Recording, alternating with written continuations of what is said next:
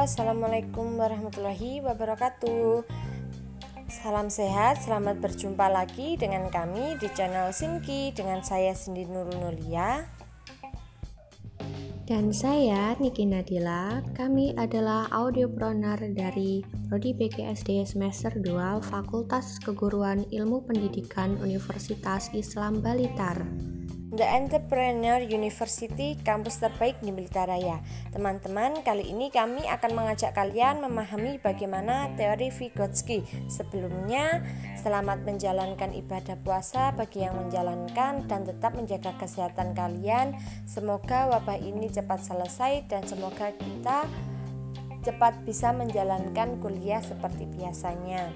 Nah, di sini saya akan menjelaskan tentang pengenalan Vygotsky untuk teman-teman dan juga Kak Niki sudah mengerti belum siapa siapa sih Vygotsky itu? Nah, jika belum, saya akan menjelaskan ya. Vygotsky nama lengkapnya adalah Lev Semenovich Vygotsky. Dia adalah seorang psikolog yang berkebangsaan Rusia.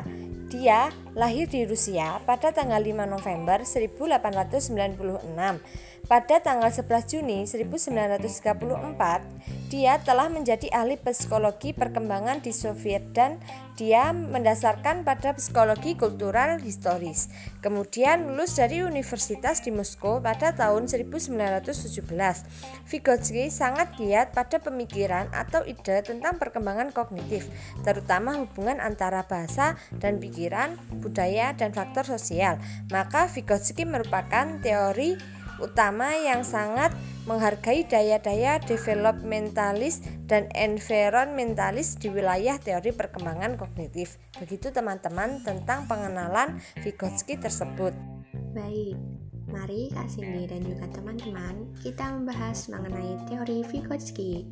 Teori belajar Vygotsky menekankan bahwa perkembangan manusia adalah sesuatu yang tidak bisa terlepas oleh berbagai jenis kegiatan sosial dan budaya, seperti perkembangan mental, kognitif, afektif, dan psikomotorik seorang anak yang dipengaruhi oleh sosial budaya di masyarakat. Meskipun kecerdasan emosional dalam psikologi setiap anak berbeda-beda, namun pengalaman pembelajaran yang dilakukan bersama orang lain dapat menambah wawasan bagi dunia anak. Nah, di sini saya juga akan menjelaskan tentang beberapa hal yang mendukung teori konstruktivisme. Yang pertama yaitu hukum genetik tentang perkembangan. Nah, teman-teman tahu apa tidak? Hukum genetik tentang perkembangan itu apa sih? Nah, saya akan menjelaskannya yaitu setiap kemampuan seseorang akan tumbuh dan berkembang melewati dua aturan, yaitu tataran sosial lingkungannya dan tataran psikologis yang ada pada dirinya.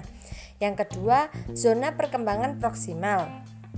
Yang dimaksud di sini, perkembangan kemampuan seseorang dapat dibedakan dalam dua tingkat, yaitu tingkat perkembangan aktual yang tampak dari kemampuannya menyelesaikan tugas-tugas atau memecahkan masalah secara mandiri, dan tingkat perkembangan potensial yang tampak dari kemampuan seseorang dalam menyelesaikan tugas atau memecahkan masalah di bawah bimbingan orang dewasa. Yang ketiga yaitu mediasi atau mediator, yang diperankan lewat tanda maupun lambang adalah kunci utama memahami proses-proses sosial dan psikologis. Nah, selanjutnya Kak Cindy dan juga teman-teman, saya akan membahas mengenai teori perkembangan kognitif Vygotsky dibedakan menjadi dua jenis mediasi, yaitu apa saja sih? Oke, yang pertama, media metakognitif merupakan berbagai alat semiotik yang digunakan untuk menjalankan pengaturan diri seperti perencanaan diri, pemantauan diri, memeriksa diri sendiri, dan juga evaluasi diri. Yang kedua, media kognitif adalah berbagai alat kognitif untuk memecahkan masalah yang berhubungan dengan pengetahuan tertentu. Di sini juga ada keuntungan mempelajari teori Vygotsky. Teman-teman dan juga Kak Niki sudah memahami belum apa sih keuntungannya? Nah, kalau jika belum, saya akan menjelaskan keuntungan tersebut. Yang pertama yaitu anak memperoleh kesempatan yang luas untuk mengembangkan zona perkembangan proksimalnya melalui belajar dan berkembang. Yang kedua yaitu pembelajaran perlu dikaitkan dengan tingkat perkembangan potensialnya. Yang ketiga yaitu pembelajaran lebih diarahkan pada penggunaan strategi untuk mengembangkan kemampuan intermentalnya daripada kemampuan intramentalnya. Yang keempat yaitu anak diberi kesempatan yang luas untuk mengintegrasikan pengetahuan yang telah dipelajari dengan pengetahuan yang didapat dalam mengerjakan tugas dan memecahkan masalah. Nah, itu Kak Niki dan juga teman-teman tentang keuntungan dari mempelajari teori Vygotsky. Nah, Kak Cindy dan juga teman-teman, teori-teori Vygotsky didasarkan pada tiga ide utama loh. Apa saja sih?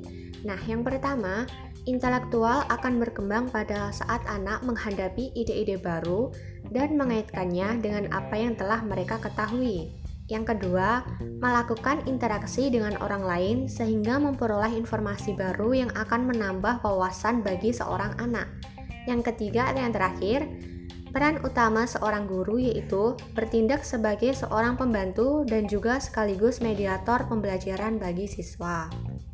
Kemudian Kak Cindy dan juga teman-teman, mengapa sih harus mengetahui teori atau strategi belajar dari tokoh Vygotsky? Nah, alasan yang pertama yaitu menekankan pentingnya pengetahuan awal dalam proses belajar yang kedua, membantu memahami pengetahuan dan perbedaan antara berbagai jenis pengetahuan.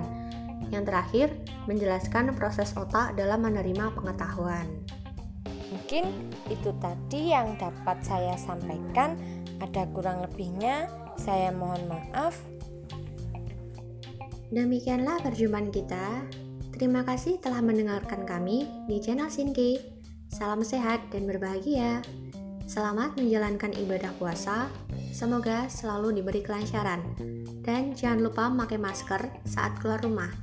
Taati peraturan dan selalu menjaga kebersihan. Salam entrepreneur Yunis Bablitar, kreatif, integratif, inovatif, dan energik. Saya Niki Nadila dan juga rekan saya Cindy Nurul Nurlia.